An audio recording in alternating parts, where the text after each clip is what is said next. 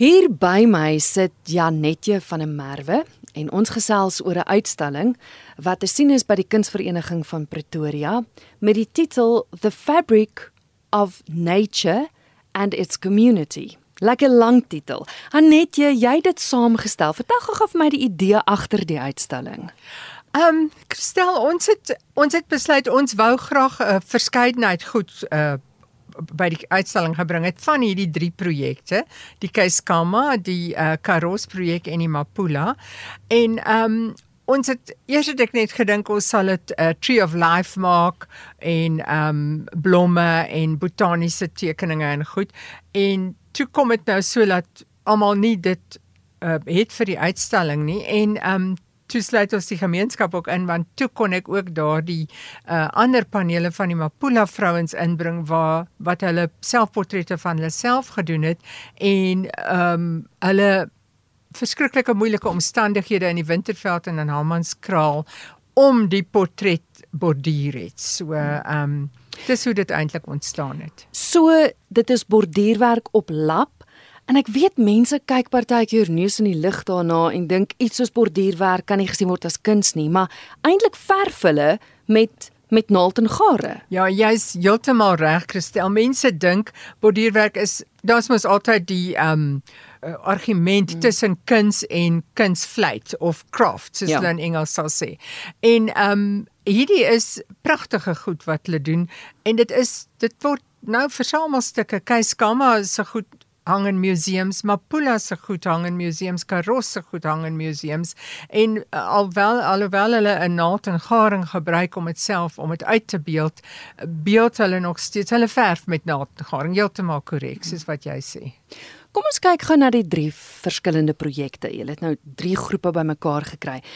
Keis Kamma, ek dink die luisteraars sal onthou 'n wyle terug het Terrens April 'n onderhoud op RSG Kuns gedoen oor die Keis Kamma projek, want hulle het 'n groot uitstalling gehad by die konstitusionele hof ja, en retrospektiewe retrospektief. Ja, ja. Maar kom ons gesels net gou-gou vinnig weer vir die luisteraars wat dalk die onderhoud gemis het. Waar kom hulle vandaan? Ehm um, Keis Kamma is in die Oos-Kaap by Hamburg, nie ver van uh, Port Alfred nie.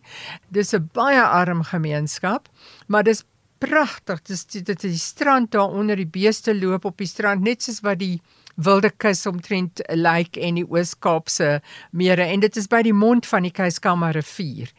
En ehm um, Carol Hofmeyer wat 'n mediese dokter is en wat ook kuns studeer deur Unisa, sy en haar man het Amber toe gegaan en sy het die sy het gevoel hulle wil hierdie ehm um, projek begin net om vir die vrouens bietjie inkomste te gee.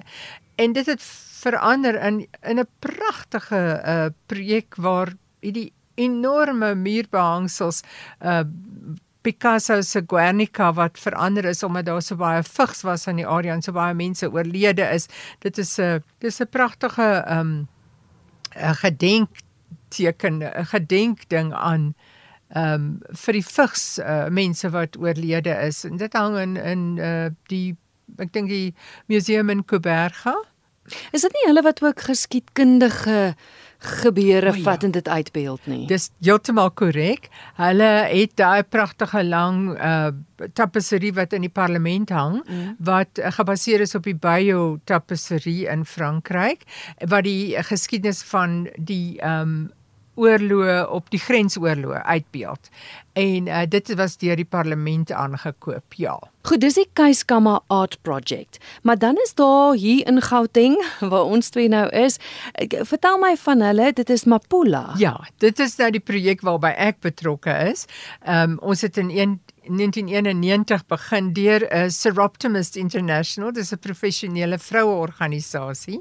En ehm um, dit mens kan dit vergelyk met iets soos die Rotarians, is is ook al 100 jaar gelede wat hulle begin het. Ons omtrent 90000 lede wêreldwyd. En ehm um, ek was maar 'n Seroptimist hier in Pretoria en Professor Karen Skavron van Unisa het die projek geïnisieer, maar sy was ook 'n seroptimist en sy wou iets begin. En omdat ek vorige kennis gehad het van 'n body projek in Gazankulu, het sy gevra of ek nie ook betrokke wil raak nie. En dis hoe ek en al die Seroptimists en almal betrokke geraak het.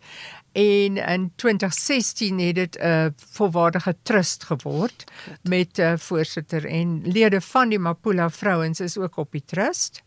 Ehm um, die projek uh, dit is in 3 groepe uh verdeel. Daar's ehm um, twee groepe is in die Winterveld wat noordwes van Pretoria is. Almal in Pretoria weet baie van die mense wat in die stad werk woon in die Winterveld en dan is daar ook een groep in Hammanskraal wat dan kom hulle in en ons uh, koördineer dit van daar af.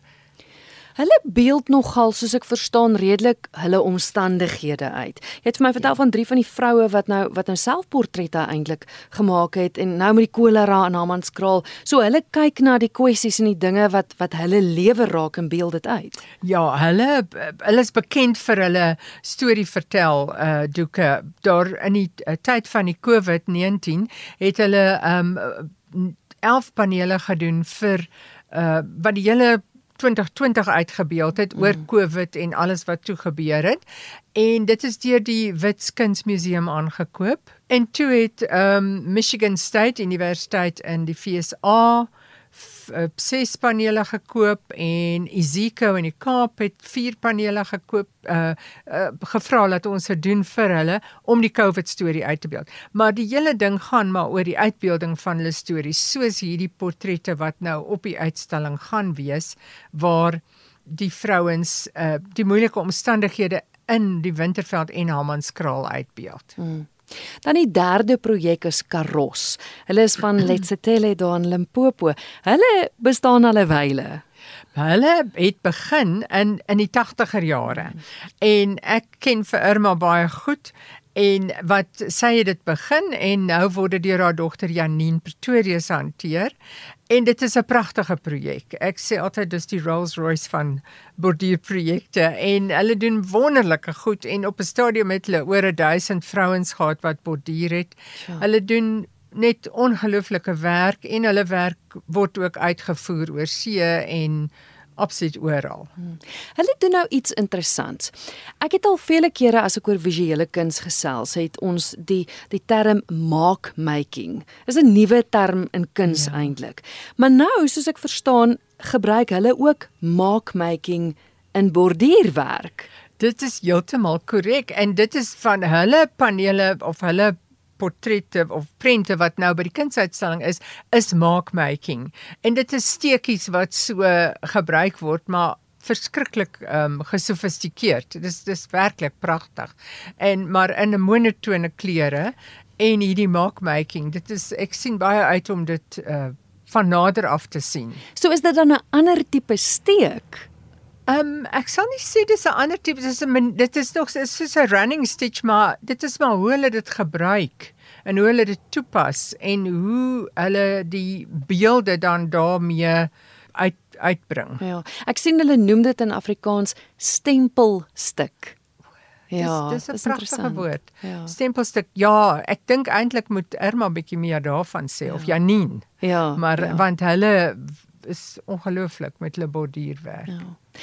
Hoekom wil jy hê moet mense gaan kyk? Weet jy dit is drie gemeenskapsprojekte al word hulle op verskillende maniere bestuur. Al die inkomste van die Mapula geld is om die vrouens te help in die gemeenskap in in die Winterveld die bordierders hulle het nie werk nie hmm. hulle het niks wat hulle ehm um, dit dit is alles dit is hulle inkomste Mm. En um, ons wil hê dit moet weier gaan en mense moet moet besef dat borduurwerk is ook geweldige kuns uh goed wat ons sien pragtige dinge. Mm. En ehm um, ja, en dit is om die vrouens te help. Dit is maar waar elke projek van hierdie drie projekte het begin om 'n inkomste vir die borduurders te genereer. Jy wat nou nou saam met die vroue van Mapula werk, Ja, dit moet seker geweldig baie vir hulle beteken.